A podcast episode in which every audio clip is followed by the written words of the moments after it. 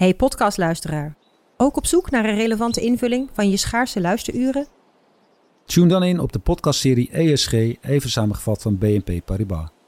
Wij, Marloes en Aldert, spreken daar duurzame voorlopers en wereldverbeteraars. Waarover dan? Nou, bijvoorbeeld of we ooit duurzaam kunnen gaan vliegen. En waarom koeien in de stad nou een goed idee is? Dat en meer elke twee weken in een nieuwe aflevering. Dus abonneer je. ESG, even samengevat.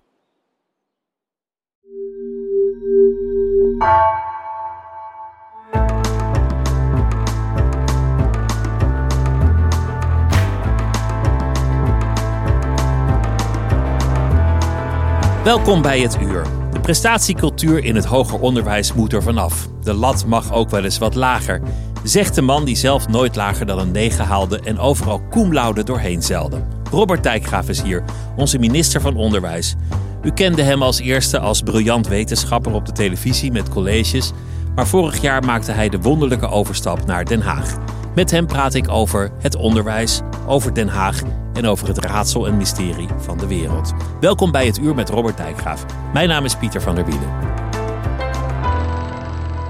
Robert, welkom. Dank dat je wilt. We tutoyeren, want we hebben elkaar best wel vaak gesproken Ja, eigenlijk. nou, in de dankjewel. Leuk om hier te mogen zijn. Ik zou excellentie moeten zeggen eigenlijk Ja. inmiddels. Je, je zei toen je je overstap maakte in, in de krant, en dat vond ik een heel mooi citaat. Soms in het leven stopt er een trein en ik heb geleerd dat je dan beter kan uitstappen.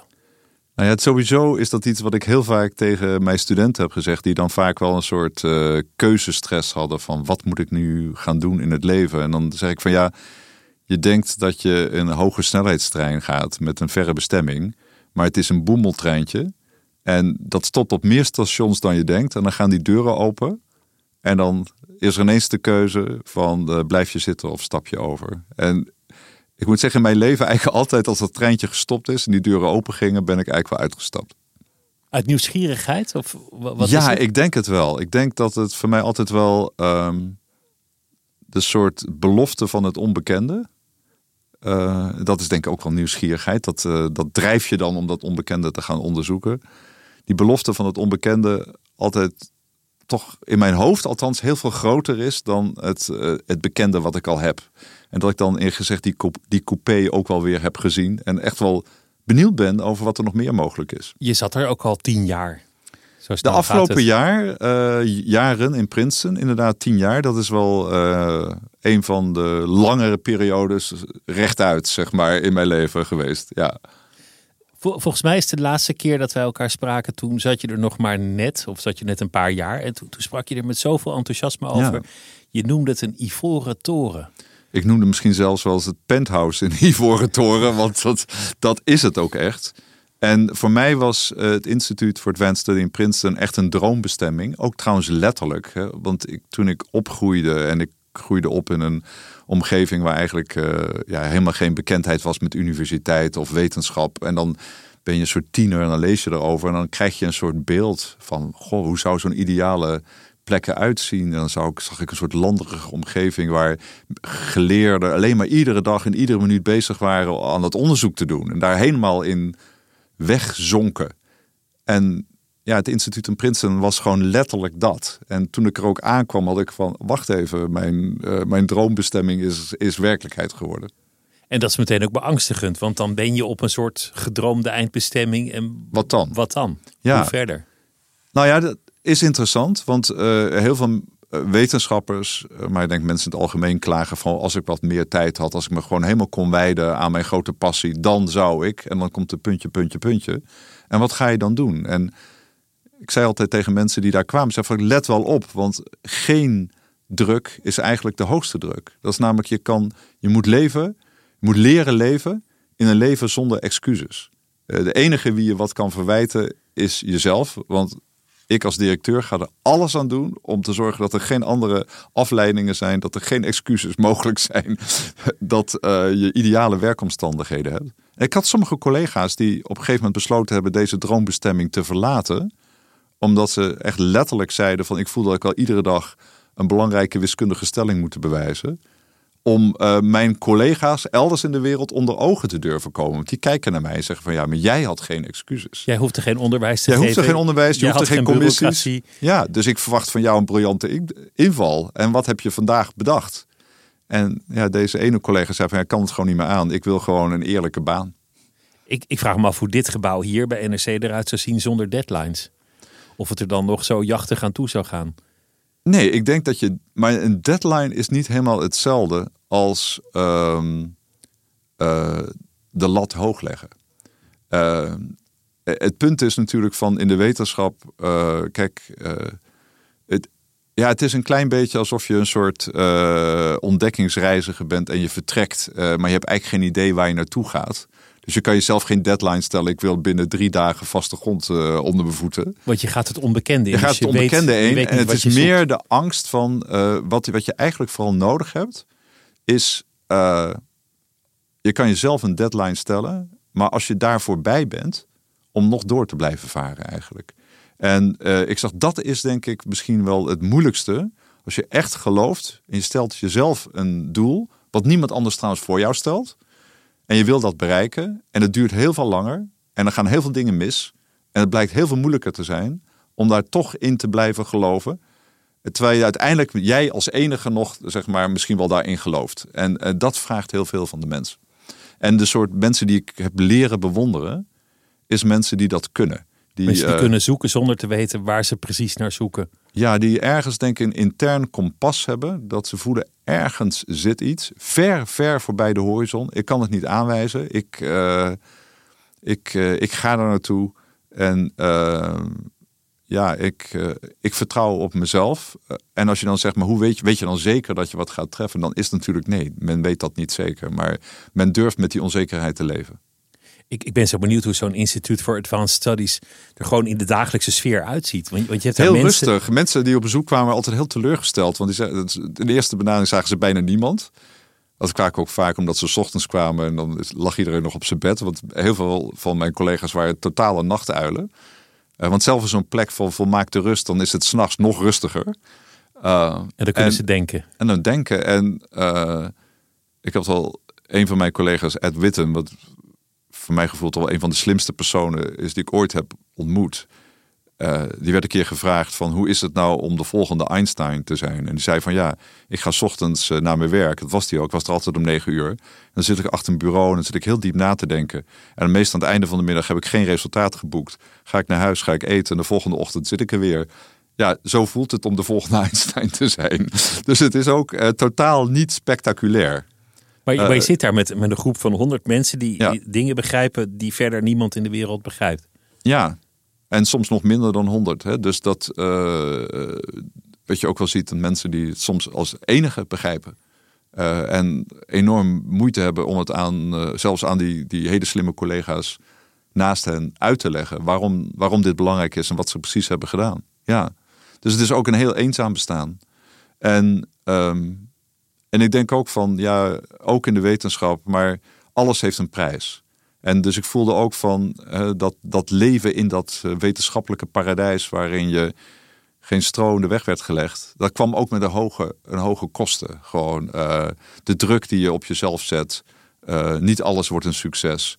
Ehm, en het, ja, het is zeker zin ook al ja, monnikenwerk. en, en je bent eindeloos ondergedompeld in je eigen gedachten ja, dat is soms een heel eenzaam bestaan. Hoe is dan in de Kamer? De, de, die reusachtige overstap van, van het briljante stadje Princeton naar de Tweede Kamer. Ik, ik moet je eerlijk bekennen dat ik wel eens als, als nieuwsconsument er naar kijk en denk... mijn hemel, wat, wat een niveau. En dat bedoel ik niet hoog niveau. Ja, uh, nou, sowieso is natuurlijk van dat uh, deze carrière switch. Uh, ik heb wel het gevoel, iemand is naar de cockpit van mijn leven gegaan heeft alle knoppen omgezet. Echt Gewoon in, de, totale andere totale stand. andere stand. en, maar kijk, ik ben wel uitgestapt uit die trein of overgestapt. Omdat ik ook heel erg benieuwd was naar deze nieuwe bestemming. Echt uit nieuwsgierigheid ook, ook wel? uit nieuwsgierigheid. Ik moet zeggen, ook in de Kamer. Um, ik vind Kamerdebatten interessant. Ik zit ook met heel veel uh, interesse te kijken wat daar gebeurt. De Kamer is ook een gekke setting. Je bent de enige, weet je dat? Dat zei de, dat zei de politiek verslaggever hier. Die, zei, die dat doet, ja, dat hebben mensen wel gewezen. Van, goh, je zit altijd maar, anderen zitten op een telefoon. En, en je luistert en, Robert en je zit altijd maar zitten, zitten kijken. En, uh, maar het is ook iets vreemds, want je zit daar als minister. En ja, de Kamer kan eigenlijk bijna eigenlijk alleen maar functioneren als er een minister zit. Hè. Als je bij spreken je handen moet wassen, moet de Kamerdebat stoppen. Maar het is een gek soort. Ik bedoel het niet neerbuigend, maar als je het als een toneelstuk ziet, dan is eigenlijk het publiek, dat we zeggen die 150 Kamerleden, zijn de toneelspelers. En je zit daar als minister eigenlijk naar te luisteren. Je mag ook niks zeggen. Je mag niet interruperen. Je mag eigenlijk alleen maar luisteren en kijken. Dus je bent ook een, als enige eigenlijk het publiek. En in ik dat vind theater. Het, in dat theater. En je ziet ook letterlijk.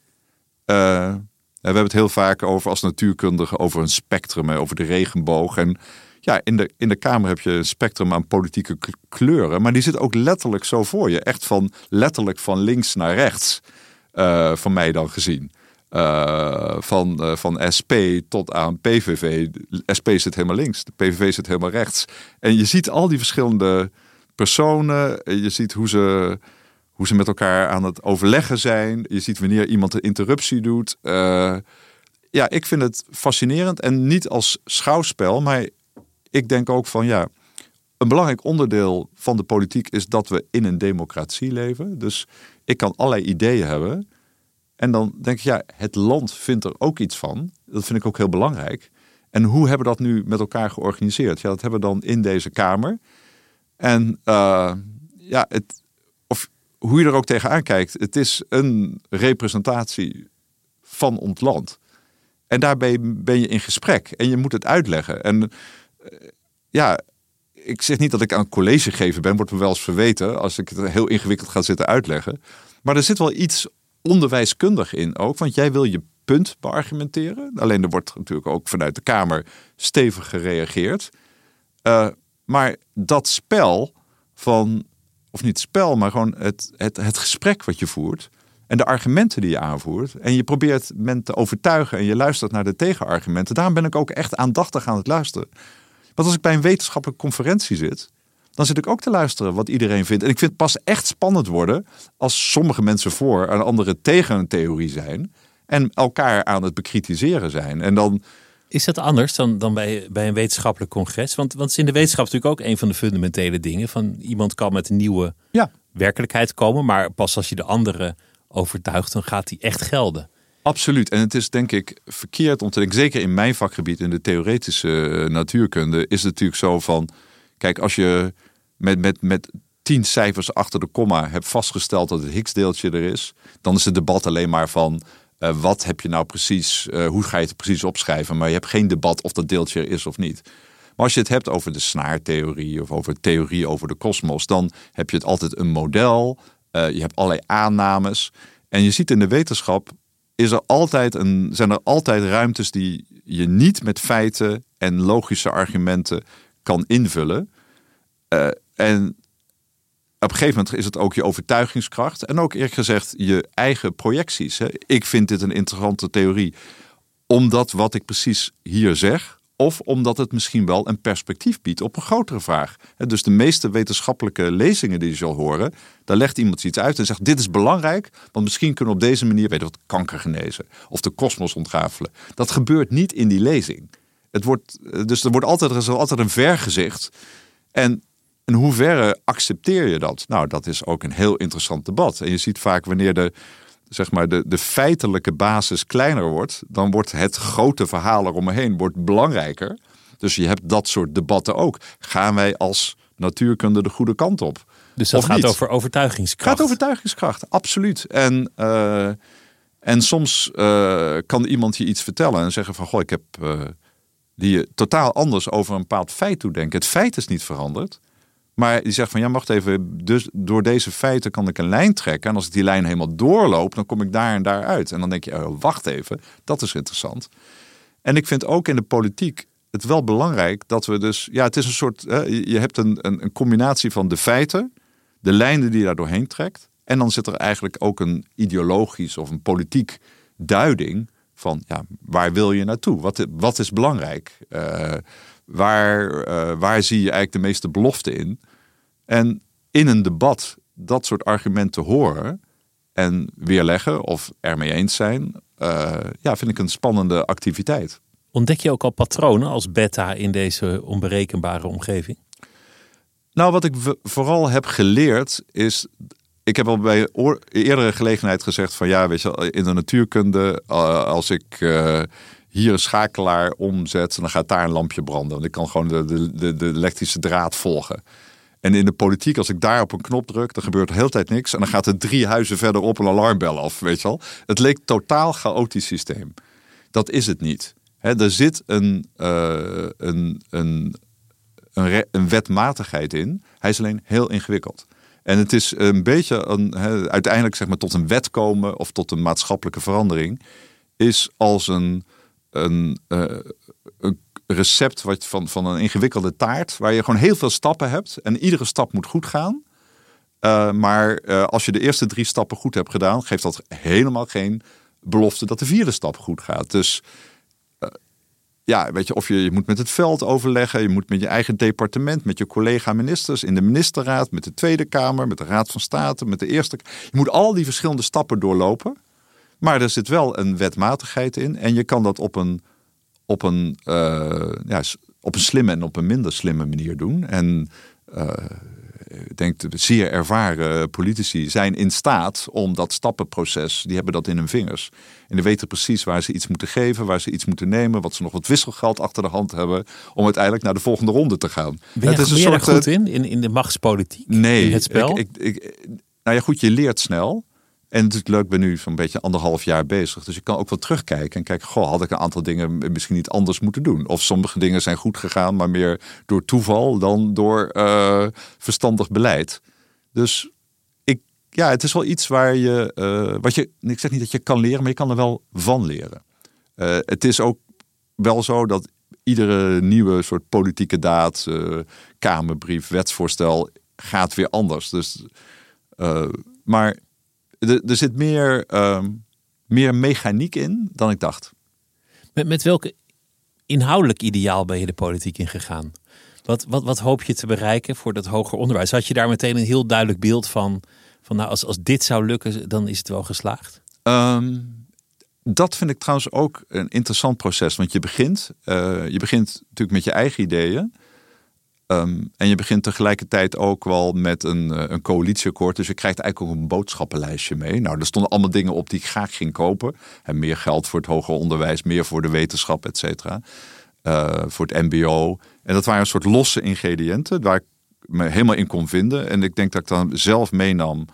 Uh, mijn, mijn soort enorme fascinatie voor eigenlijk de kracht van het onderwijs. Dat mensen eigenlijk zoveel mensen, individuen, maar ook een maatschappij kan leren. Uh, de, het belang van verbeelding, nieuwsgierigheid, dat zijn de soort, soort waarden die ik bij me had.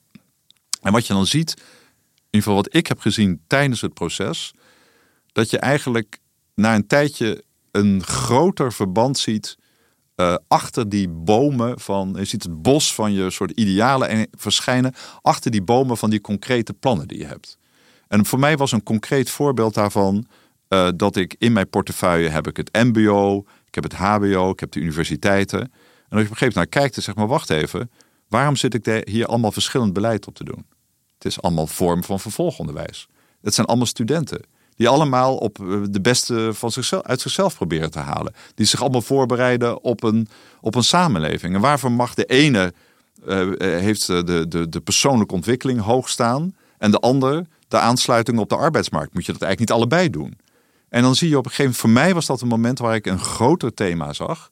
Namelijk van, wacht even, uh, een, uh, een fundamenteel feit is volgens mij de gelijkwaardigheid van ieder persoon. En ook daarmee de gelijkwaardigheid van iedere vorm van onderwijs.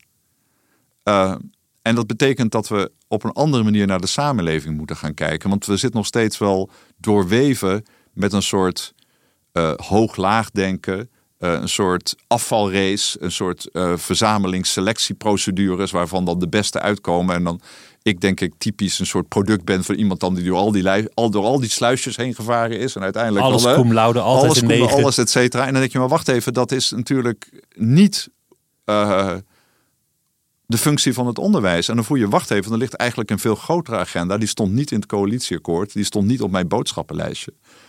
Eh, dat is eh, misschien wel een soort vertaling van mijn soort abstracte idealen die ik wel had, maar naar een soort politiek doel. En een van de dingen die ik wel heb geleerd, dat is een, eh, een prachtig boekje van Herman Tjenk Willing, dat heet volgens mij Grote Denken, Kleiner Doen. En ik moet zeggen, ik had, ik vond het een prachtige titel, maar ik had het nooit echt begrepen.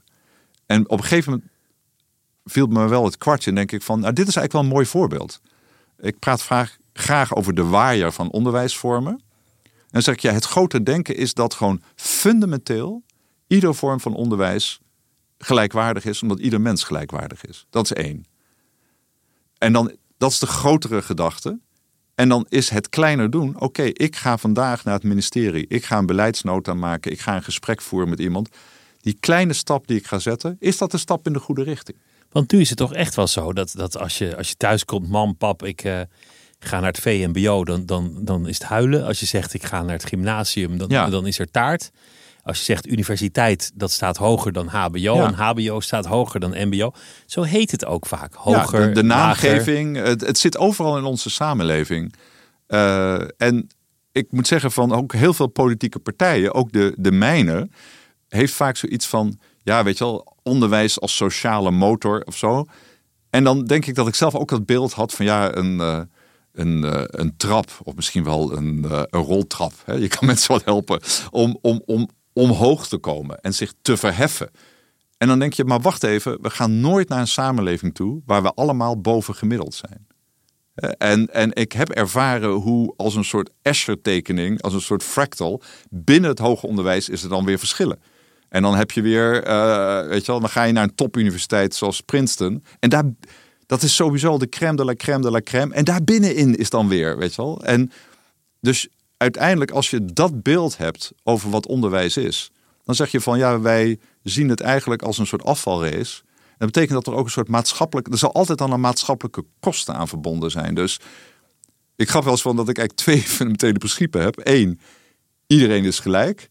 En twee, iedereen is verschillend.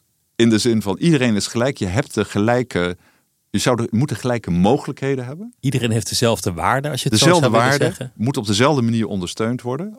Als jij ouder bent, dan is dat, als ik zeg ieder kind is gelijk en ieder kind is verschillend, dan weten ouders precies wat je bedoelt. Want ze zijn allemaal even dierbaar, maar ze hebben allemaal een eigen karakter en hun eigen mogelijkheden. Maar ze zijn niet allemaal Einstein. Eh, Ze zijn niet allemaal Einstein, maar Einstein is maar één manier om waarde te geven in de samenleving. Er zijn heel veel andere manieren. Ook Einstein had op de basisschool een docent nodig. En anders was Einstein nooit Einstein geworden. En is dat überhaupt ons doel? Er is zeker, ja, ik, ik zie het wel. eh, Hoeveel Einsteins hebben we eigenlijk nodig? ja, ik denk de samenleving is een. eh, ik, ik, ik mag de metafoor geloof ik niet meer gebruiken, een ecosysteem, maar het is wel een soort groot. Ja, het is, het is, het is een enorm eh, eh, divers eh, geheel waar iedereen met iedereen samenhangt. En waar heel veel natuurlijke rollen zijn, die we ook willen dat die vervuld worden. En ik denk uiteindelijk, als mensen de, de beste vorm van zichzelf kunnen worden, dan is die natuurlijke verscheidenheid die in de mens zit, in de samenleving, die uitzicht dan ook in wat we allemaal gaan doen. We gaan niet allemaal hetzelfde doen. Dus we maar we hoeven moeten wel allemaal- op dezelfde manier daarin ondersteund worden. En het mag niet zo zijn. Dus niet iedereen hoeft altijd hoger. Absoluut. Ik denk dat dat heel belangrijk is. En het, als je natuurlijk gaat kijken hoe ons onderwijssysteem werkt, dan zien we natuurlijk dat we eh, eh, vanaf jongs af aan eh, selecteren we of meten we mensen op hun cognitieve vaardigheden. En het is dus een heel vreemd gedachtekonkel, vind ik. Dat we zeggen, goh, we gaan kijken hoe goed jij kan rekenen. En als je daar minder goed in bent, dan ben je vast heel praktisch. Of, weet je wel, nee. Weet je wel, ik bedoel, mensen die bijvoorbeeld heel creatief zijn. Dus een fantastisch klarinetspeler. Eh, ben je dat omdat je niet goed kan rekenen? Misschien, dat, volgens mij is dat, heeft dat, eh, je kan alle- allebei of allebei niet. Of de een wel en de ander niet. En dus de manier hoe wij mensen benoemen, selecteren, waarderen, vind ik is heel eendimensionaal. Eh, uiteindelijk voel ik slaan we de maatschappij plat, om het maar heel bot te zeggen, op een IQ-schaal. Of misschien uiteindelijk wel op een salarisschaal. Maar vooral in, in het op, opleiding op een, op een eendimensionale schaal. En ik zeg, laten we, als ik over een waaier praat, dan zeg ik van laten we het op zijn minst twee dimensies maken. Laten we zeggen van een waaier heeft een breedte, een richting waarin je gaat. En dan kan je er ook nog heel ver in doorlopen. Als ik zeg van je bent uh, dan is niemand verbaasd dat je daar heel ver in kan worden. Als sporter, ja, iedereen weet dat je de Olympische Spelen daarin kan winnen. Als jij uh, technicus bent, uh, dan weten mensen van ja, je kan misschien wel een enorm succesvol bedrijf daarin gaan starten en super, super succesvol zijn. Dus er zijn heel veel manieren om succesvol te zijn en die hebben niet alleen te maken met, ik zou maar zeggen, om het heel bot te zeggen, met jouw CITO-score. Is dat nog te verkopen? Want is dat verlangen eruit te halen? Ik weet dat een van je voorgangers het ooit zei: we moeten af van hoger, hoger. En dat er toen heel veel woede was. Dat ik voel dat de samenleving daar wel aan toe is. Uh, dus uh, dat is ook bijzonder in de politiek. Hè, dat je uh, ja, tegen allerlei deuren zit te duwen. En sommige zitten tien sloten op. Uh, andere staan op een kier. En ik voel deze deur van de herwaardering van het beroepsonderwijs, van het MBO, van het HBO, van vakmanschap, van de verschillende vormen waarin je eh, gewoon succesvol kan zijn of niet, waar je gewoon uh, nut kan maken in de samenleving. Uh, dat die deur op een kier staat. Hij wordt onder andere mede opengeduwd, omdat we zien de grote vraag in de samenleving op dit moment. Ook over de, weet wat, of het nou over de energietransitie gaat of over de zorg. Ja, zeker. We hebben een hele geleerde ingenieur nodig die misschien een nieuwe batterij gaat ontwerpen. Maar we hebben ook duizenden en duizenden MBO'ers nodig die al die uh, elektrische schakelingen kunnen maken, die, die, die, die bedrading kunnen aanleggen. Uh, in de zorg hebben we zeker een, een, een superspecialist nodig die een, een van de hartoperatie kan doen. Maar we hebben ook duizenden, duizenden verplegers nodig die die zorg kunnen leveren. Dus ik voel wel een beetje dat het, de wal het schip aan het keren is. En volgens mij de reden is dat ik voel dat we eigenlijk op een omslagpunt zitten in de samenleving. Dat vroeger was het zo, je had bepaalde banen die zeer begeerd waren. En dan moest je maar je weg naartoe vechten. En, uh, en we konden eigenlijk heel slordig omgaan met mensen en talent. Als je teruggaat, uh, maar een paar honderd jaar geleden, het grootste deel van de samenleving werd gewoon verspild. Daar zat gewoon geen waarde in. En we gaan nu naar een, een toestand van de, van de maatschappij, denk ik, waar er echt een schreeuwend tekort is aan zo'n beetje aan alles. En waar die baan zich nu moet toevechten naar jou. Uh, en dat geldt op heel veel plekken in de samenleving. En dat betekent dat we eigenlijk, voel ik, gewoon geen talent meer kunnen verspillen. Als wij alles willen doen in de samenleving wat we willen doen. Nou, we staan voor hele grote opgaves. Dan hebben we gewoon letterlijk iedereen nodig. Waarschijnlijk nog meer zelfs. En ja, dat betekent eigenlijk van, ik gaf wel eens van, ja, dat je vanuit het perspectief, zeker van jongeren, ga je van een bias market naar een sellers market. Uh, jongeren kunnen nu veel meer zelf vertellen waar ze, wat zij willen, wat ze voor hun toekomst zien. En dan denk ik dat ons onderwijsstelsel daar zich wel uh, naar moet gaan schikken. En ik denk dat dat die beweging is die eigenlijk zorgt dat die deur wat makkelijker open gaat. Want dit verhaal wat ik nu net vertel, had ik natuurlijk honderd jaar geleden ook kunnen vertellen. En dan had de maatschappij daar eigenlijk denk ik geen boodschap aan gehad. Het is nu ook zo dat een dakdekker meer kan verdienen dan menig ja. academicus. Ja. In de, in de koffietent waar ik ochtends mijn espressootje haal, staat iemand die uitstekend barista is, maar die is gepromoveerd in de scheikunde. Duidelijk Ja. overgekwalificeerd. Hij maakte de beste, meest nauwkeurige espresso Ja, ja. denkbaar, maar had hij daar al die jaren aan de universiteit voor nodig? Ja. Dat geloof ik niet. Nee. En, en we zijn toch bezig mensen uit te scheiden van de universiteiten die allemaal een studie hebben gedaan, liefst met studies in de titel, Ja, zonder dat er een echte aansluiting is met wat ze later gaan doen. ja. Maar ik sta daar dubbel in. Ik heb zelf geschiedenis gedaan. Ja, daar heeft niemand wat aan natuurlijk. Maar heel weinig mensen schoppen het tot onderzoeker. Je kan ook zeggen, het vormt je. Het, het, het, het is een intellectuele aanscherping in abstractere zin. Dus, dus daar, zit, daar zit eigenlijk de twijfel. Nou, ik denk het is en-en. Hè, Dus ik denk van de, deze vraag van eh, eh, in hoeverre gaat het om de persoonlijke ontwikkeling... en in hoeverre gaat het om de aansluiting op de arbeidsmarkt... Het academisch ideaal of gewoon de Ja, beroepsopleiding. En ten eerste zie ik dan, vind ik dus heel vreemd, eh, en daar heb ik echt moeite mee, dat bij wijze van spreken, als ik praat over het academisch onderwijs, dan zeg ik, goh, wat, wat fantastisch dat iemand geschiedenis of Egyptologie gaat doen. Oh, geweldig. En praat je over MBO'ers, dan is er een een van de werkgevers zegt, kan jij een blik technici opentrekken, weet je wel? Van dat daar zit ook al een soort ongelijkheid in het denken, dat wij spreken alleen in bepaalde domeinen van het onderwijs krijg je die vrijheid. Dus ik denk het is en en. Eh, in de zin van dat als mensen vrij zijn te kiezen en goed geïnformeerd worden over wat de mogelijkheden daarna zijn, van welke trein je inderdaad aanstapt en welke stationnetjes daar nog komen, dat je uiteindelijk wel een soort kansrijk kiest voor jezelf.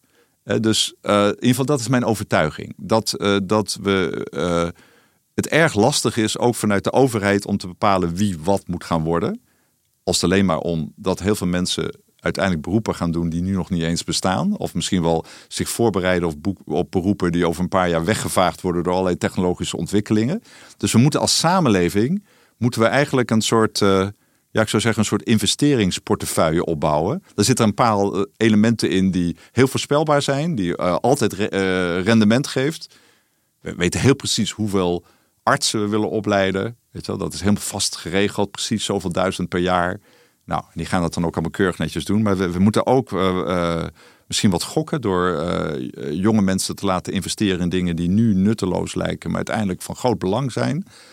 En ja, uiteindelijk moet het systeem zo zijn dat het aansluit op de arbeidsmarkt van nu, maar ook die van de toekomst.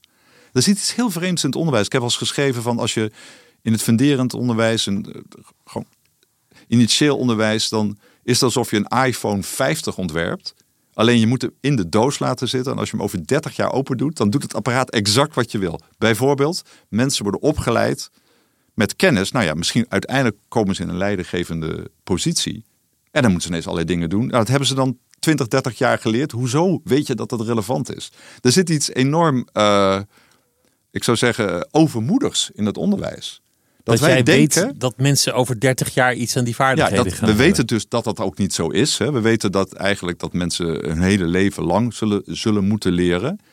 En dat is een ander element, denk ik, van het onderwijs. Je zegt van ja, waarom, waarvoor dachten wij zo? Nou, we dachten zo omdat we komen uit een statische wereld. De 19e eeuwse wereld was een voorspelbare wereld. Dat was het belangrijkste karakter. Uh, als jij uh, timmerman was, dan was je timmerman. Dan deed je hetzelfde wat je uh, vader deed. En het was gewoon rechtuit rijden. En daarom hadden we ook van ja, je, de, de, de, de, de vraag in de samenleving is een, is een vaste. Daar moeten we dan mensen voor opleiden. Die samenleving verandert niet. En wat we zien is dat die samenleving wel verandert. Ik denk lange tijd ongeveer op het tempo van een generatie. Nou, dat is heel fijn. Hè? Dus de hele generatie is opgevoed zonder computers. Maar hun kinderen, die konden dat spelenderwijs doen. En mijn kinderen weten niet anders dan dat er een internet en wifi is, zeg maar. Uh, uh, maar het spannende is natuurlijk dat op dit moment veranderingen gaan in een tempo van jaren. Uh, op dit moment denk ik zelfs op tempo van weken, als je het sommige onderwerpen hebt. Heel beangstigend ook wel. Dus we gaan ook in de, in de samenleving gaan we heel versneld vooruit. En dus als je nu gaat zeggen van, goh, ik ga eventjes vertellen aan, jong, aan jongens van, nou pak deze hoge snelheidstrein, want over tien jaar zijn er deze en deze banen. Wie ben ik om dat met zoveel zekerheid te zeggen? Dus we zullen ook als samenleving zullen we wel een soort heel flexibel moeten zijn hoe we met die toekomst omgaan. Lijkt me ook ingewikkeld om dat vorm te geven als, als minister. Nou ja, Zoveel macht heb je toch ook weer niet? Dat heb je ook niet, maar uh, ik denk ook wel dat je dus heel erg voorzichtig moet zijn om, uh, om te strikte en strakke keuzes te maken. Uh, ik moet zeggen, van, ik grap wel eens van, eh, bij mijn vorige baan kwam er een, iets waar ik daarvoor nooit te maken had en ook nooit meer te maken zal krijgen, denk ik. Maar wij hadden bij dat instituut voor Advanced Study een heel groot vermogen. Dat moest belegd worden. En hoe doe je dat dan? En de enige manier hoe mijn instituut kon blijven werken, als we ieder jaar, nou eigenlijk wel minstens zo ergens tussen de 5 of 10 procent winst boekten. Maar hoe kan je dat doen? En toen leerde ik van de mensen die dat deden, dat ze, ze hadden een bepaalde hoeveelheid risico dat ze ieder jaar moesten besteden. Dat wil zeggen, uh, ze wisten gewoon dat uh, nul risico, dat zou nooit de, de winst geven die we nodig hadden. En ik vond het een hele mooie gedachte. Je had gewoon, ze hadden gewoon een bepaalde hoeveelheid risico die ze moesten uitgeven. Dus als alles heel erg voorspelbaar was, dan moesten ze ergens anders iets doen wat heel erg niet voorspelbaar was. En ik denk eerlijk gezegd dat ook in beleid als echt een verstandig beleid, dan moeten we met die grote onverwachte omstandigheden ook rekening houden. Onderwijs denk ik met name, omdat zijn allemaal lange termijn investeringen. Dus daar, hoort ook een bepaalde mate van uh, risicospreiding, uh, flexibiliteit, uh, op het onvoorziene uitgaan. En waarom, waarom ben ik eh, eigenlijk zo optimistisch dat we dat kunnen. Ik zeg heel vaak, ja, de mens heeft van mijn gevoel eigenlijk twee superpowers. Die ehm, heel moeilijk zijn te repliceren. De een hadden we het over, is de nieuwsgierigheid. Om dingen uit te zoeken. Als er iets onbekend is, dan uh, ieder kind die gaat daar direct naartoe. Ik zeg wel eens ergens, ergens een bordje, een hek staat met een bordje verboden toegang. En je komt met een klas kinderen. Waar staan ze? Allemaal voor dat bord. En dat hek zitten kijken wat aan de achterkant van het hek zit. En het tweede wat wij kunnen is denk ik uh, onze verbeeldingskracht. wij kunnen als mens dingen voor ons zien die er nog niet waren. Uh, ja, dat zijn geweldige gereedschappen om die onbekende toekomst uh, tegemoet te gaan. En het onderwijs is volgens mij precies die plek waar die, die krachten uh, ja, moeten worden aangescherpt. Uh, ik heb ook eens gezegd, je moet vooral van de uitknop afblijven. Hè? Die verbeelding die staat aan, die nieuwsgierigheid staat aan bij kleine kinderen. Als je die al koester dat en ontmoedig koester dat, dat et cetera. Ja. Dus dat zijn, daarom denk ik ook van, uh, het is, ik ben fundamenteel een optimistisch mens. Maar als ik zeg, waarom ben je optimistisch? Dan is dat eigenlijk uh, vanwege de, ja, de, de, de ontwikkelkracht die in, in, in, vooral in jonge mensen zit. Om eigenlijk in de volgende generatie om dingen slimmer, anders te doen. Ja, en het onderwijs is daar de belichaming van. Heb je daar nooit angst voor? Zoals nu mensen dat hebben met bijvoorbeeld AI. Ja. Ik heb de indruk dat, dat de toekomst en de technologische innovatie van een belofte naar een vrees is gegaan ineens. Nou ja, technologie heeft natuurlijk altijd schaduwzijde. En, uh, en ik moet zeggen, wat er nu rondom AI gebeurt. Uh, ja, volgens mij is het echt uh, nou ja, een soort een van de belangrijkste gebeurtenissen die we nu meemaken, misschien wel in mijn leven. Er zal ooit een moment zijn waar computers langs zij komen. Ons gewoon inhalen. Ons inhalen. En dan zal er een moment zijn waar ze ver, ver over de horizon zijn. Maar volgens mij is dit het moment waarbij ze zo'n beetje langs zij komen. Op bepaalde elementen. En dat maken we maar één keer mee. Maak maar één keer mee dat ze ongeveer even slim zijn. Of misschien nog net niet zo slim. Maar... En dat gebeurt nu op dit moment. En ik voel ook van ja, wat, ik, wat natuurlijk altijd hebben gezegd uh, rondom, rondom technologie: van iedere technologie heeft een, heeft een, een lichtzijde en een schaduwzijde. Alles kan gebruikt worden uh, ter verbetering van de wereld en verslechtering. En de enige manier om daarmee om te gaan is sowieso die technologie 100% serieus te nemen. Zorgen dat je alle elementen ervan begrijpt, et cetera. Ja, en we zitten ook weer in zo'n ontwikkeling. Ik zei net van ja, uh, die tempo's van technologische vernieuwing, die gaan sneller en sneller. Uh, ik grapte net weken. Ik denk rondom AI is er nu zo dat echt letterlijk ik weer lees van goh, vorige week is dit bedacht en twee weken geleden dat. En uh, iedereen zei dit kon niet, maar blijkt toch te kunnen. Weet je wel? Dus ik vind het ook spannend. Ik voel van, ik, soms voel ik wel een soort, uh, nou ja, je voelt het bijna in je buik of zo, van dat je op een soort roetsbaan aan het gaan bent. En dat je natuurlijk als samenleving en ook als individu je daar toe moet verhouden. Maar moet je op de uitknop drukken? Moet je zeggen, hou er even mee op tot we het helemaal begrijpen? Of moet je het omarmen en proberen er gewoon goed in te worden? Nou ja, het is, uh, ik denk allereerst moet je er heel goed over informeren. Uh, ik vind die vraag om, om, om op de uitknop te drukken voor zes maanden. Uh, ja, ik weet eigenlijk niet wat ik daarvan vind. Ik, ik merk, ik zie sowieso dat de gemeenschap die er echt wat van snapt, daar ook verdeeld in is. Er zijn natuurlijk altijd weer uh, andere motieven bij. Het wordt ook wel gemerkt dat degene die mensen van technologiebedrijven die iets achterlopen, nu graag op de uitknop of op de pauzeknop willen ze stiekem drukken. kunnen inhalen. Dat ze misschien stiekem kunnen inhalen. Uh, maar wat ik vooral voel is, uh, het is heel moeilijk voorspelbaar. Daarvoor hou ik mijn adem wel in. Wat het betekent als we um, algoritmes gaan ontwikkelen die heel veel slimmer zijn dan wij. Uh, ik gebruik voor mezelf als de metafoor van stel je voor dat wij nu allemaal zesjarigen zijn. En we zitten met elkaar en iemand stelt de vraag aan ons zesjarigen. Goh jongens, wat denken jullie? Als iemand nou heel veel slimmer is, wat zou je dan doen? En wat zou de zesjarige dan zeggen? Ja, die gaan natuurlijk niet zeggen, nou nee, je gaat een kernwapen ontwikkelen of zo. Want daar hebben ze nooit van gehoord of zo, weet je wel. Van, uh, het is voor ons heel moeilijk voorspelbaar wat de uiteindelijke toepassingen zullen zijn van uh, dit soort slimme algoritmes. Omdat we zo antropomorfisch zijn. We denken zo in onze eigen dingen. We, we denken heel gauw van computers gaan dingen doen die wij heel moeilijk vinden. Uh, wiskundesommen of schaakspelen of zo. Maar waarom zijn dat de relevante zaken? Er zijn misschien wel dingen die wij, waar we nooit aan begonnen zijn, omdat ze zo moeilijk zijn. Waarvan we niet eens weten dat het kan. Waar we altijd gezegd hebben van nou, dat is een kamer, daar moet je nooit ingaan, want dat heeft toch helemaal geen zin. Dus ja, ik zeg vaak ja, als, als wetenschapper omarm je dat onbekende. Uh, maar ik voel hier wel dat we echt wel een hele diepe put instaren. Want uh, de, de mogelijkheden zijn natuurlijk letterlijk onbegrensd. Ten goede en ten kwade. Ten goede en ten kwade, ja, absoluut. En uh, je kan mensen hier ook heel makkelijk bang voor maken. En dat lukt mijzelf ook om mezelf bang te maken. Ik hoorde laatst iemand zeggen van ja, er zijn twee dingen die je natuurlijk nooit moet doen als je zo'n slimme computer ontwikkelt. Eén is hem, wat je altijd moet doen is hem in een doos stoppen, goed afschermen. He, zoals je dat ook doet met kernwapens, et cetera. Dat dat in een laboratorium zit, heel geheim, waar niemand bij kan. Nou, wat hebben we gedaan? We hebben er een chatbot van gemaakt, dus de hele wereld kan ermee praten. En het tweede wat je nooit moet doen, is dat je die computers moet leren over menselijk gedrag en hoe je dat manipuleert. En wat hebben we gedaan? We hebben social media bedacht. Wat het soort beste laboratorium is om te zien hoe mensen beïnvloed worden. En ook te zien hoe je ze kan ook daadwerkelijk kan beïnvloeden. Dus ik voel wel een heleboel stappen die we hebben gemaakt zijn wel in de verkeerde richting. En ja, het, het, eh, nogmaals, het kan enorme voordelen gaan geven.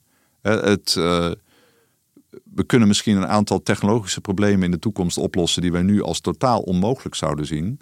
Uh, als het gaat over die transitie naar een groene, groene economie, als het gaat over medische vragen, over de enorme complexiteit van ons eigen lichaam duiden. Uh, er zijn fantastische toepassingen van AI in, in de wetenschap, die, uh, waar algoritmes dingen kunnen, waar scheikundigen echt nooit gedroomd hadden dat ze kunnen doen. De vorm van eiwitten, de, van het hele lichaam doorrekenen. Allemaal briljante dingen. Maar je kan Allemaal ook, briljante dingen, maar je kan er, je kan kan er ook, wapens mee maken. Je kan er of, wapens mee maken. Je kan of mensen manipuleren. hiphop-hitjes maken. Ja, je kan mensen mee manipuleren. En uh, ja, ik ben bang dat om dit op de juiste manier te begeleiden, dat we zullen moeten vertrouwen op hele menselijke eigenschappen. Dat is namelijk uh, zorgvuldig zijn, de, uh, het gesprek met elkaar overvoeren, uh, ja, die, die hele moeilijke, complexe afweging maken. Dus ik denk, één ding wat je wel ziet met de wetenschap, het ontwikkelt enorme technologie die heel machtig is, waar je hele slechte en hele goede dingen mee kan doen. Maar uiteindelijk dat in juiste banen leiden, is iets wat de mens zal moeten doen. We hadden het net over, over studenten. En, en dat, dat we af moeten van altijd hoger, hoger. Ja. Je, hebt, je hebt ook gezegd, die prestatiedruk die, Ja. die is veel te groot. Ja, Als ik kijk naar de huidige studenten vergeleken met mijn tijd, zeg 25 jaar geleden of zoiets. Die, die tempobeurs is aanzienlijk strenger geworden, Ja. veel meer punten. ja, De druk die wordt ervaren sowieso in de samenleving Ja. is veel en veel groter. Ehm, eigenlijk is, is dat, dat element van speelsheid wat bij de academische wereld hoort, of bij elke vorm van onderwijs wat mij betreft, helemaal weg. Dat is, is gewoon waar. verdwenen. dat is waar. En uh, ik moet ook zeggen, als je naar de cijfers kijkt, naar het mentaal welzijn van jongeren. Ik zou zeggen het mentaal welzijn van de samenleving. Maar dan met name bij jongeren, die natuurlijk het meeste van deze druk ervaren. Nogmaals, heel veel mensen van een bepaalde leeftijd, van mijn leeftijd, als ze aan een eigen studietijd denken, dat was niet een tijd van grote tijdsdruk en stress, et En cetera. studieschuld was en al dat vrijheid, blijheid, et cetera. En uh, dus ik denk dat je ook, voor mij is dat de grootste verrassing in deze nieuwe functie. Als ik kijk van uh, hoe gaat het uh, met het onderwijs, dat, hoe gaat het met de student, hoe gaat het met de leerling, hoe gaat het met het, het, het de, de, de psychisch welzijn. Dat, dat is echt sprake van een soort epidemie. Die, die cijfers lopen heel snel op, bijna tot de helft van het aantal jongeren. Dat heeft inderdaad te maken met, ik voel heel veel druk die er in de samenleving is. Uh, sowieso zijn er grote uitdagingen voor jongeren in de woningmarkt, over klimaat, et cetera. Maar ik denk het belangrijkste is dat we in de samenleving eigenlijk zijn gekomen tot een punt waar we zeggen: iedereen kan succesvol worden, maar de bal ligt wel bij jou. Een beetje zoals we zeiden bij. Uh, Succes is maakbaar en als je faalt, dan ligt het aan jezelf. Het is een beetje als het leven op het Institute for Advanced Study eigenlijk. Hè? Van, uh, wij, wij gaan je ondersteunen, maar weet je wel, het ligt niet aan ons, het ligt aan jou. En als je dat allemaal bij elkaar optelt, en je ziet dat inderdaad hoe we die schroef hebben aangedraaid, overal de luchten uit hebben geperst. eigenlijk. Om het zo efficiënt mogelijk Met, te maken. met studieleningen, eh prestatiebeurzen. Prestatiebeurzen, studieleningen, eh, nou, het binnen studieadvies. Ik voel gewoon echt, weet je, wel, die druk moet van de ketel af. Omdat ik voel van sowieso zou in die maatschappij de druk van de ketel af moeten. Ik denk trouwens echt dat we aan het suboptimaliseren zijn. Dat we, als je te hard op de tube knijpt, komt er echt niet meer tandpasta uit. Eh, dan gaat er iets fout met die tube. Daar, eh, dat soort alarmsignalen gaan nu af. Er moet druk van de ketel af in de samenleving. Maar te beginnen in het onderwijs. Er Want zijn, ik voel... er zijn er opleidingen waar ze zeggen wij doen geen cum laude meer. Nou, ik vind dat eh, best interessant dat, dat men dat doet. Eh, ik probeer zelf ook wat te doen. Ik heb eh, nou ja, deze week aangekondigd dat ik het binnen het studieadvies wil gaan verruimen. En dat je in het eerste jaar maar maximaal gevraagd kan worden de helft van het aantal studiepunten. Dat je eigenlijk twee jaar mag doen over die beginfase, omdat er zeker op de universiteit vaak zoveel op je afkomt. Eh, we gaan de basisbeurs weer introduceren. Dus het, het leenstelsel zoals we dat kennen wordt, wordt afgeschaft. En dat geeft wat financiële ruimte. We doen heel veel met studentenwelzijn. eh, veel meer persoonlijke aandacht, meer begeleiding. Eh, we zijn aan het experimenteren om het, om het collegejaar korter te maken. Allemaal eigenlijk bewegingen die de andere kant op gaan. Waarbij we proberen die schroeven wat losser te draaien. Maar uiteindelijk denk ik dat we ook dit debat in de samenleving moeten hebben. En waar we ook over spraken, dat hoger, lager.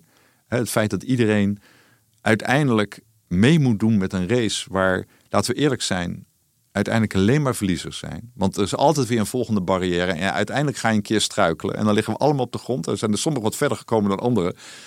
Dat is denk ik niet, vind ik niet de samenleving die we nodig hebben. En het is trouwens ook niet de samenleving waar we met elkaar zo gelukkig mogelijk zijn en zo productief mogelijk. En, Dat is een eh, gigantische ambitie, een hele andere samenlevingsvorm. Een nou, maar ik andere, denk van dat we. heel eh, model. Ja, ik, nou ja, goed.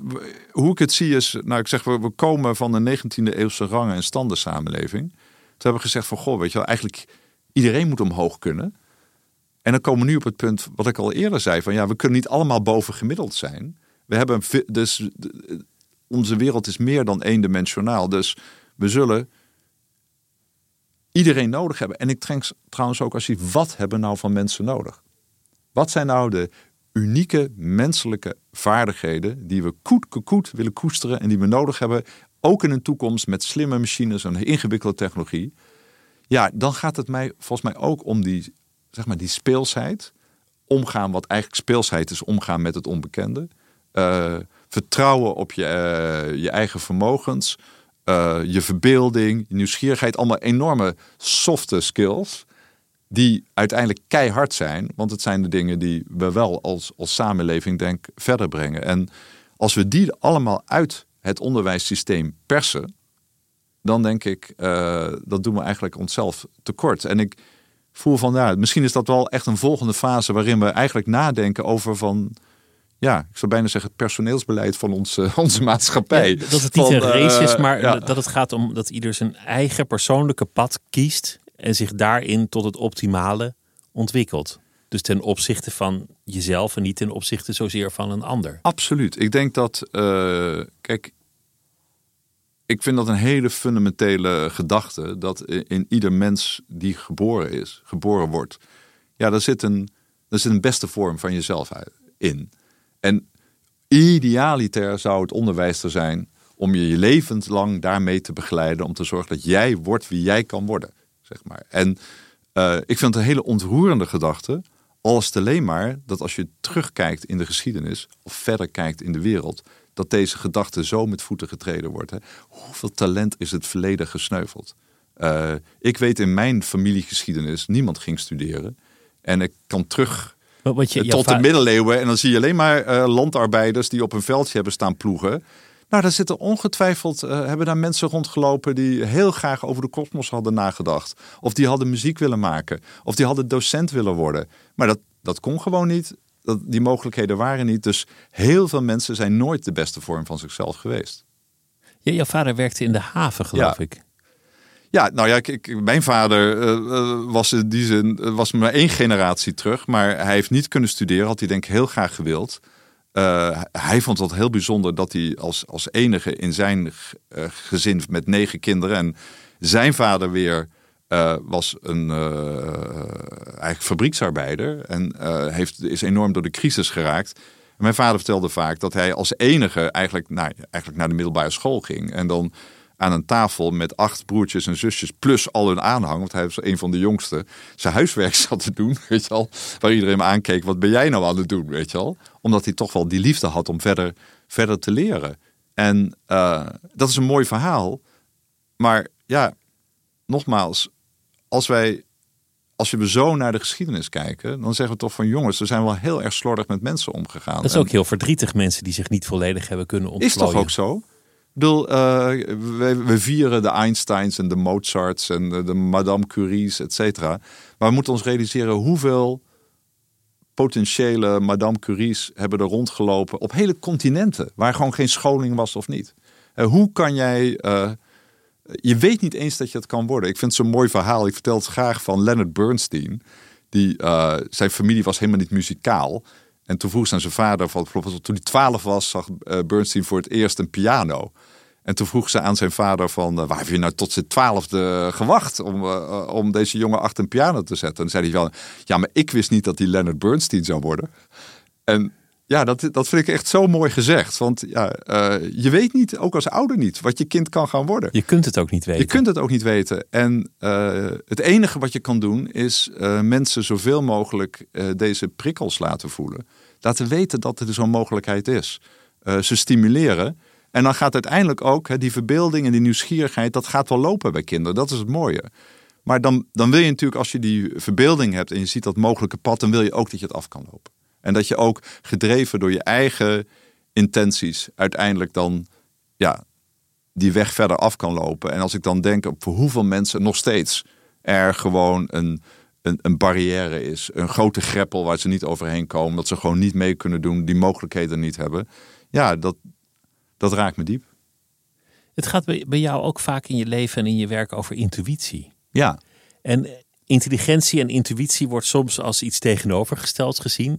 Dat, dat is te simpel. Zo zit het niet. Nee. Je, je hebt bijvoorbeeld wel eens verteld dat, dat je, je dochter ernstig ziek was toen ze nog klein was. Ja. En dat ondanks de zeer slechte diagnose, was, was geloof ik gewoon een, een eindige diagnose, terminaal. Absoluut, ja. Dat er een rust over je heen kwam die puur intuïtief was op dat moment. Nou ja, ik weet nog heel goed. Het was het moment dat uh, de oncoloog uh, het slechte nieuwsgesprek met ons had. En zei van ja, ik ben eerlijk. Ik, uh, ik deel ook de, de twee, en het waren er maar twee wetenschappelijke artikelen die je over deze ziekte kon vinden.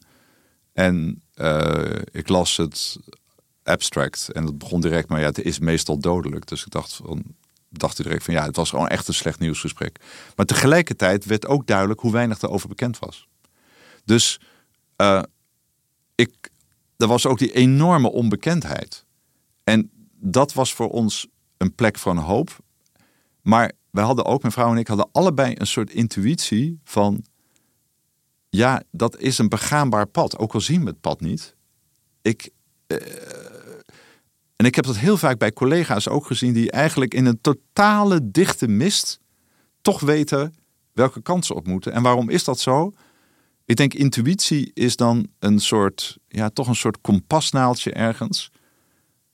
Wat volgens mij met heel weinig gegevens, bijna niet. Het is, je kan eigenlijk bijna niks zien. Je ziet misschien de hele vage contouren, maar je intuïtie maakt daar iets van het is, het is ook kennis, maar volgens mij is de manier hoe ons brein omgaat met situaties waar eigenlijk er nauwelijks meer iets is. Maar net nog die paar kleine puntjes uh, waar je dan misschien een soort stippenlijntje doorheen kan trekken. En uh, wat voelt dat je de goede kant op had gaan bent. Want, want het is goed afgelopen. Het is goed afgelopen met haar. Uiteindelijk bleek het pad wat we afliepen, namelijk het, uh, het wachten en kijken wat er gebeurt, bleek het goede pad te zijn dat suggereerde, en zeker in die artikels ook, van ja, van ja, we hebben wel ingegrepen, maar dat ging altijd slecht. En we weten eigenlijk niet wat er gebeurt als hij niet ingrijpt. En dat is nu trouwens ook uh, onderdeel van de standaardprocedure. Uh, uh, gewoon bedachtzaam wachten en, en goed, goed observeren. Um, ja, en dat is vreemd, want ik zei net, ja, intuïtie heeft te maken met uh, eigenlijk proberen te redeneren, proberen de pad voorwaarts te vinden in tijden van maximale onzekerheid. Maar, en daar, dat zit het tegen intuïtieve. Er zit ook een soort uh, vertrouwen in wat je daar kan hebben. Onzekerheid kan geruststellend zijn. Nou, nee, ik denk dat, uh, dat je soms. Uh, ja, dat, dat er ergens uh, in, in, in, in die soort grote puntenwolk van gegevens die je ergens in je hoofd hebt zitten, dat daar iets uitkristalliseert. Dat je daar een lijn doorheen trekt die, die je wel voelt, maar niet ziet. Ik je kan hem niet uitleggen. En ik, ik moet zeggen, dat een paar keer gemerkt met sommige van mijn collega's. Dan was er een wetenschappelijke ontwikkeling. Nou, dan had ik van, goh, ik heb dit artikel. We zijn een stapje vooruit. En dan zei een van mijn collega's zei van, oké, dit betekent het volgende. En hij nam echt, had het artikel ook die ochtend gelezen. Hij zei, dan gaan we die, die en die. En hij had gewoon tien stappen. En dan gaan we uiteindelijk zo, dan gaan we daar overheen en dan gaan we dat doen. Nou, hij had gewoon een plan voor de komende twintig jaar. Wat in één keer gewoon op het bord schreef. Het is er allemaal uitgekomen. Maar ik had die van, waar komt dit vandaan? Waar komt dit vandaan? Achteraf denk ik, ja, je hebt er al eerder over nagedacht of zo. Maar ja, ergens kan het menselijke brein soms een soort klik maken. En als je dat bij anderen ziet, is dat uh, fascinerend. Echt absoluut fascinerend. Want ik zag geen hand voor ogen. En hij zag blijkbaar verre bestemming. Uh, en ja, dat is dan wel heel fijn dat je zo iemand uh, in je omgeving hebt. In dit geval, want dat kon ik mijn, mijn onderzoeksprogramma op aanpassen. Heel mooi om ook samen met hem dat pad af te gaan lopen. Uh, en dat is, ja, dat is een heel bijzonder element in de wetenschap. Als je kijkt naar grote denkers, uh, dan vraag je soms achteraf van waar, waar kwam jouw overtuiging vandaan dat je dacht dat het zo was? dat je ziet dat als je, iemand, als je het leest, wat, wat, wat iemand als Einstein of Newton, van die grote namen, die gingen in een tijd waar het heel weinig gegevens waren, hadden een soort kristalhelder idee waar ze naartoe moesten lopen. En uh, een onfeilbare intuïtie van Einstein is toch een bekende uh, anekdote dat op een gegeven moment zijn algemene relativiteitstheorie, dat, dat de resultaten binnenkwamen en uh, dat bevestigde, dan uh, dat zeiden, goh, wat vindt u daarvan? En dat hij, wat, wat had hij nou gedaan als het fout was geweest? Dat hij van, ja, jammer voor het experiment, ik blijf toch wel geloven met theorie, omdat hij zo'n enorme innerlijke overtuiging had dat, uh, dat het goed zat. Maar gaan op je gevoel of het volgen van je intuïtie staat soms ook in een kwaad daglicht. Ja. Ik denk dat het er ook van afhangt wie het doet. Absoluut. Dit, zijn hoogbegaafde Voor iedereen mensen. die, die, waar je uiteindelijk bij die bestemming uitkomt, zijn er misschien wel honderden die allemaal het ravijn in, in, in, en die gaan. helemaal overtuigd waren en vol op hun gevoel Ja, maar ik, denk wel, wel van, misgaan. ik denk wel van, ook als ik, uh, ik spreek heel vaak ook jonge mensen en dan vaak die ook in tijd van maximale onzekerheid leven. Want wat moeten ze, wie zijn ze? Uh, ze moeten zich nog ontwikkelen. Dan zeg ik ook van, luister ook naar die binnenstem. Want er is wel iets in jou.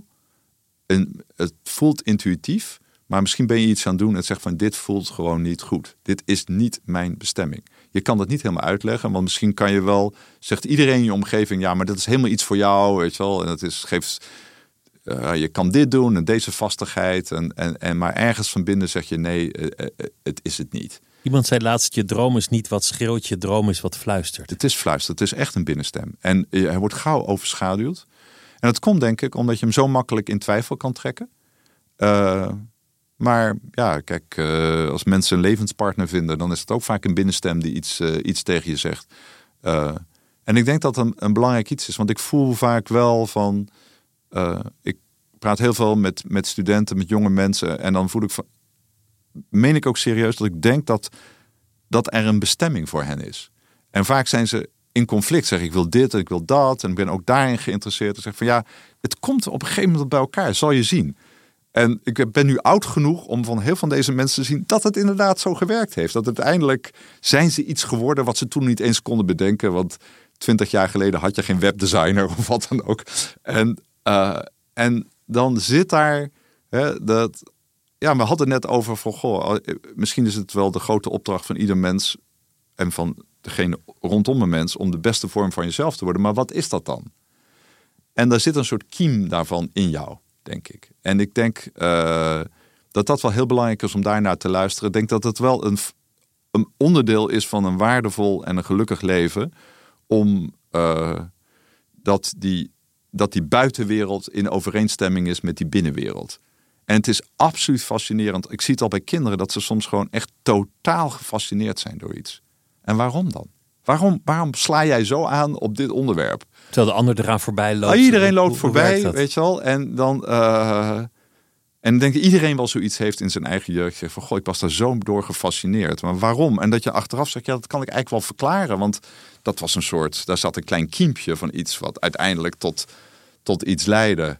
Uh, nou, je bent geschiedenis gaan studeren. Misschien heb je wel op een hele jonge leeftijd iets gezien. Of zeg van, god, dat triggerde ergens iets. Dus ja, van, nou ja, op een of andere manier, ik zeg niet dat, je, dat jouw uh, ideale vorm al in jou zit. Maar er zit wel een soort resonantie uh, ik voel ook wel van mensen zijn een soort, ieder object kan meetrillen met een bepaalde geluidsstemming. Dus een glas trilt als je een bepaalde muzieknoot hoort. Er zijn bepaalde dingen waar je gewoon als persoonlijkheid mee gaat meetrillen. Je voelt van ja, dit is echt iets voor mij. En juist in het onderwijs dat een, is dat een van die superkrachten. Want dan, dat heb ik gezien bij mezelf, bij mijn kinderen, bij mijn studenten als ze echt ergens gefascineerd gaan worden, ja, maar dan gaat het enorm versnellen. Maar dan willen we meer over weten. Als er een leraar is die dat motiveert of, of wat. En dat kan een klein vonkje zijn. Hè? Dat is zo'n uh, oude uitspraak van, van Plutarchus, geloof ik. Van ja, een mens is niet, uh, weet je wel, uh, is een soort vat van olie, hoeft alleen maar aangestoken te worden. Die, die interne brandstof zit al in jou. Je hebt een onbeperkte bron aan fascinatie en enthousiasme, aan leerkracht. Alleen je moet hem aansteken en ik vind het ook erg leuk om te zien, ook bij mezelf, ook bij mijn kinderen, dat er onderwerpen zijn waar je soms echt helemaal niets mee hebt. En dan kan, kan ik, er zijn onderwerpen in de wetenschap, mensen zeggen, goh, daar ben je vast door gefascineerd, want dat past precies bij jou. Het is heel technisch en beta en ja, sorry, ik, ik, ik word er gewoon niet. Het interesseert me gewoon helemaal niets. en eerlijk gezegd, soms zijn dat onderwerpen die echt, uh, denk ik, vanuit uh, van verre gezien uh, drie millimeter naast mijn onderwerp zitten. Maar dat voelt dan gewoon niet goed. Ik zou het vreselijk vinden om daar naar een conferentie van te gaan. Ik hoef die artikels niet te lezen. Het faciliteert me totaal niet. En waarom dat andere onderwerp nou wel? Nou, dat, is, dat is denk ik eigen aan, aan de enorme diversiteit die in mensen zit.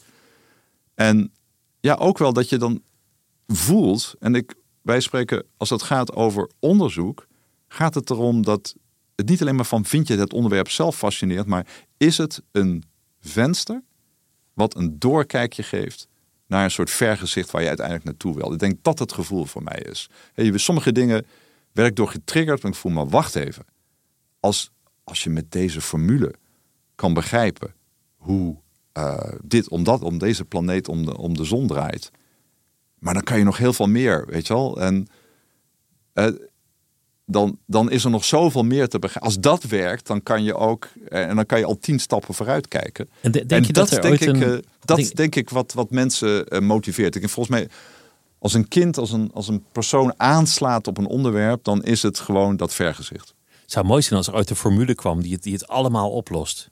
Daar hoop ik nog steeds op. Eén formule dat ze zeggen, nou, we hebben het antwoord.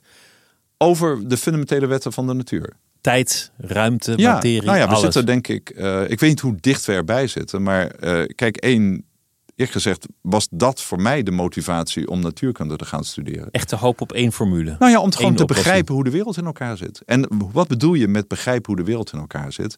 Wat de spelregels zijn. En het fascinerende is natuurlijk van dat er überhaupt wetten zijn in de natuur. Dat er, we kijken om ons heen, we zien een enorm ingewikkeld leven, chaos, uh, wat is het systeem? Maar we hebben geleerd, als je naar kleinere onderdelen gaat, dan zijn die eigenlijk heel simpel. En als je meer en meer inzoekt, wordt het simpeler en simpeler en simpeler. Het aantal regels wordt minder.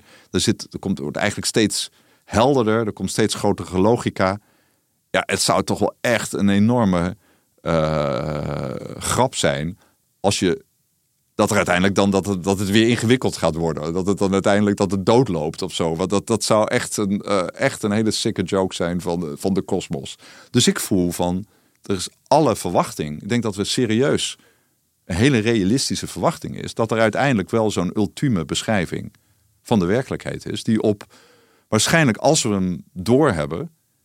dat we dan zeggen, ja, hoe had het anders kunnen zijn? En dat het eigenlijk heel simpel was. Dat het, ja, het, wat gezegd wordt, dat is de standaard grap van wiskundigen, weet je. Als ze denken ergens jaren over na en dan zeggen ze, oh, het is eigenlijk heel simpel. en, maar dat is ook zo. Maar het is soms heel veel werk om op, op het perspectief te komen om te zeggen, het is heel simpel. Het is een hele lange klim naar, dat, naar die bergtop. En vanuit dat perspectief zeg je, oh, wacht even. Zo zit het in elkaar. Maar die droom, uh, ja, dat was degene die mij triggerde. En ik denk eerlijk gezegd... Die is, is er nog wel. Die is er absoluut nog. En ik denk, is het niet gewoon geweldig dat wij als mensen... met alles wat ze met, met elkaar kunnen doen, met onze machines, met onze apparaten, met onze computers... in staat zijn om te doorgronden wat de regels van de werkelijkheid zijn. Dat vind ik misschien wel de grootste prestatie. Het is een soort universum wat zichzelf begrijpt. En dat kan dan via en door ons. Dat zou mooi zijn. Het was een groot genoegen om je te ontvangen. Hartelijk dank. En uh, tot ziens. Dankjewel. Dank voor het mooie gesprek. En dit was het uur voor deze week. Volgende week dan zijn we er weer. Het uur wordt gemaakt door Mira Zeehandelaar. Productie en regie Claire van der Woude. En de chef van de audioredactie is Anne Moraal.